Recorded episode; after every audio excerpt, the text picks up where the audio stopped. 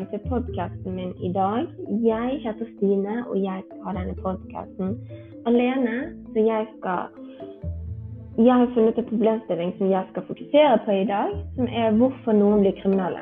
Så skal jeg finne litt ut om hva er de forskjellige årsakene til at noen velger å bli kriminelle, hvorfor det skjer, litt tankegangen i det. Og da starter jeg litt med først hva er kriminalitet? Definisjonen på kriminalitet er at det er en handling som bryter norsk lov. Det kan være alt fra lommetyveri, seksuelle overgrep og voldshandlinger. Det kan være vanskelig å finne ut hvilke årsaker som kan føre til at noen blir kriminelle, men man kan tenke seg litt frem til noen grunner. Noen blir jo kriminelle pga. at de har hatt en oppvekst som er enten preget av rus, vold eller manglende omsorg. Men det er ikke alle som blir kriminelle som har vokst opp med de samme forholdene. Det kommer jo an på selve personen og deres valg. Så for eksempel, hvis du har hatt en dårlig oppvekst hvor du føler at foreldrene dine ikke hører på deg eller er der for deg eller støtter deg, så kommer ikke det til å være en definisjon på at å, da kommer du til å vokse opp og bli kriminell. Det er sånn det er. Det er den eneste faktoren til at du blir kriminell når du vokser opp. Det er ikke det, pga. det er mange grunner til at noen blir kriminelle. Noen blir kriminelle pga. de føler at de er nødt for å få de tingene som er nødvendige for at de skal kunne overleve i verden. Mens noen andre gjør det pga. de har lyst på oppmerksomhet eller berømmelse. Og det er derfor de ønsker å gjøre kriminelle årsaker på at å, da kommer de til å være i nyhetene og på internettet, valgfri på YouTube. og Det er liksom det som interesserer deg. Men det er jo stor forskjell. Men mennesker som har vokst opp i trygge og gode omgivelser, har også endt opp kriminelle. Så f.eks. barn som vokser opp i et godt miljø. Foreldrene er der for dem, støtter dem. De gjør at barnets behov blir dekket de prøver å skaffe barnet alt som de har lyst på, da kan fremdeles barnet bli kriminell. Det er jo også litt tankegangen til barnet, liksom, hva barnets interesser er. For eksempel, det er ikke nødvendigvis, men hvis man ser på liksom sånn veldig voldelige ting på filmer og sånn, og da kan man En person blir veldig sånn interessert og liksom fanget opp i det. Bare sånn Tenk hvis jeg kunne gjort det på ekte. Tenk hvis jeg kunne gjøre det. Tenk så spennende det er.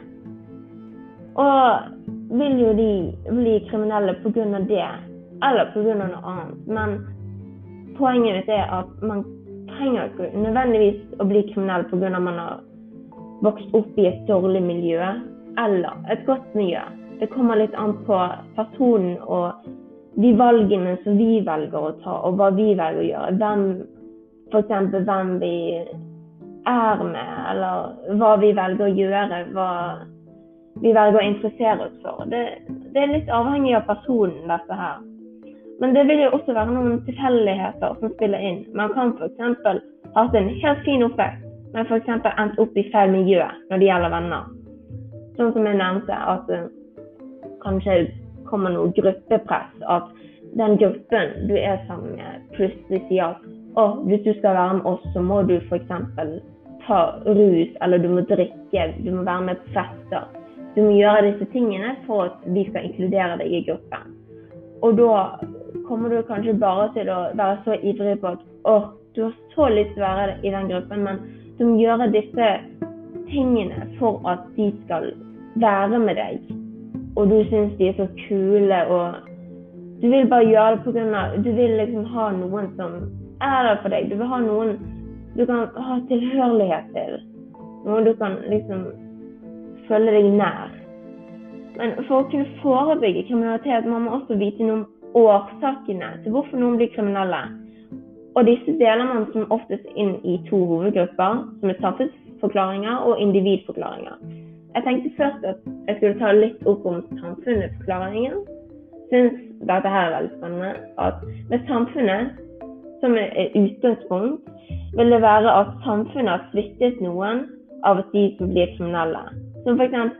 sånn som jeg snakket litt om i sted, vanskelig oppvekst. Noen barn vokser opp i familier der hverdagen er preget av vold og kriminalitet, og får dermed et dårligere utgangspunkt enn andre. Da kan de f.eks. ha et forskjellig syn på livet at åh, det er sånn det blir. At de må gjøre det. Det er liksom en nødvendighet. Det er et behov. Du har vært omringt rundt kriminalitet og vold, og da kan du kanskje ta innflytelse av det. Men det er jo opp til deg hva du velger å gjøre med din oppvekst. Hvis du velger å f.eks. bruke din stemme til å snakke om det som skjedd med deg i oppveksten din, og, få, å hjelpe andre med det, så er det noe annerledes enn du velger å gjøre det samme som har skjedd med deg pga. du vil at andre skal føle det du gjorde, eller det du følte når du var liten og måtte gå gjennom det. Og En annen grunn kan være samfunnsforhold. Det kan også spille en stor rolle. Altså arbeidsledighet. At eh, oppvekst med dårlig råd og eventuelt mangel på opplevelse av mestring i skolehverdagen. Da føler du at du ikke blir sett eller hørt. Og det kan være det kan være ganske stor innflytelse på hvis du føler at, at hvis du f.eks. tar rus, og da mister du jobben din pga. det, så føler du at du har ikke noen annen utvei på noe. Da kommer det til å være veldig vanskelig å finne jobb igjen, og da kommer du til å skylde på samfunnet bare at jeg mistet jobben pga. rus, men jeg fikk ikke hjelp pga. rus. Og da kan det være litt sånn at du skylder på samfunnet for de har ikke hørt på dine behov og hva du trenger. Sosiale forskjeller som ensomhet og fattigdom kan også være årsaker som også øker sjansen for kriminalitet. F.eks. dersom man føler seg eller er utfryst fra et samfunn, vil man gjerne søke mot noen som tar imot seg. Og dersom dette er et kriminelt miljø, vil gjerne kriminelle handlinger være med i pakken når man gradvis blir en del av et slikt miljø. Det var litt da jeg snakket om gruppepress, f.eks.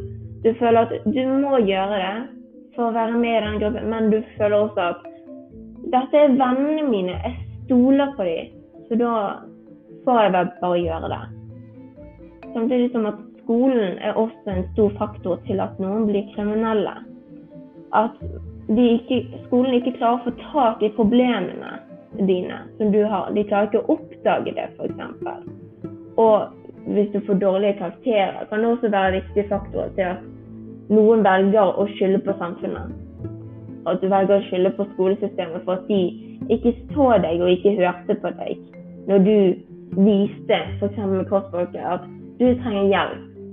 Jeg trenger veiledning pga. jeg vil komme meg ut av dette, men så fikk du ikke den hjelpen du trengte. Så skal jeg gå litt videre til individet. Så med individet som utgangspunkt vil det være at noen vet at det å begå kriminelle handlinger som f.eks. innbrudd eller stjeling er galt, men de velger å ikke bry seg om det, selv om man vet at det vil få negative konsekvenser for seg selv om man begår de kriminelle handlingene. Noen eksempler på dette er f.eks enkeltindivid kan ha utfordringer psykisk, eller f.eks. hatt en vanskelig oppvekst. Da kan disse sårbarhetene utløse kriminelle handlinger hos enkelte. Så hvis du har psykiske problemer fra før, så kan dette være en stor faktor på at du velger å gjøre kriminelle handlinger. Samtidig som at egoisme og mangel på samfunnsmoral Da har du ikke respekt for andre, og du setter deg selv først og dine behov før. At du føler at dine behov er viktigst. Også et behov for spenning. Det å gjøre noe som man ikke burde gjøre, og man klarer å gjennomføre det uten å bli tatt. Dette kan gjøre at du føler deg mektig, uovervinnelig og på toppen av verden. Samtidig som rusmisbruk fører også til, til kriminalitet, som gjør at man kan svikte i jobb og i arbeid og man må derfor gjøre kriminelle handlinger for å skaffe seg penger til dop og andre ting. Og en ting som jeg tenkte litt på, at det er ikke alle som velger kriminalitet, men av og til velger kriminalitet den. Hvis du blir dratt inn i et samfunn fra før, hvis du vokser opp i det. så kan du bli dratt inn i det. Og selv hvor perfekt liv du har, kan du bli kriminell. Hvis man føler seg alene, hvis man føler seg utstøtt og uten verdi, kan kriminelle handlinger gjøre at man føler at man klarte noe. Å, jeg klarte å stjele noe. Å, jeg føler så stor verdi. Jeg føler at jeg klarte noe. Jeg følte mestring når jeg gjorde dette.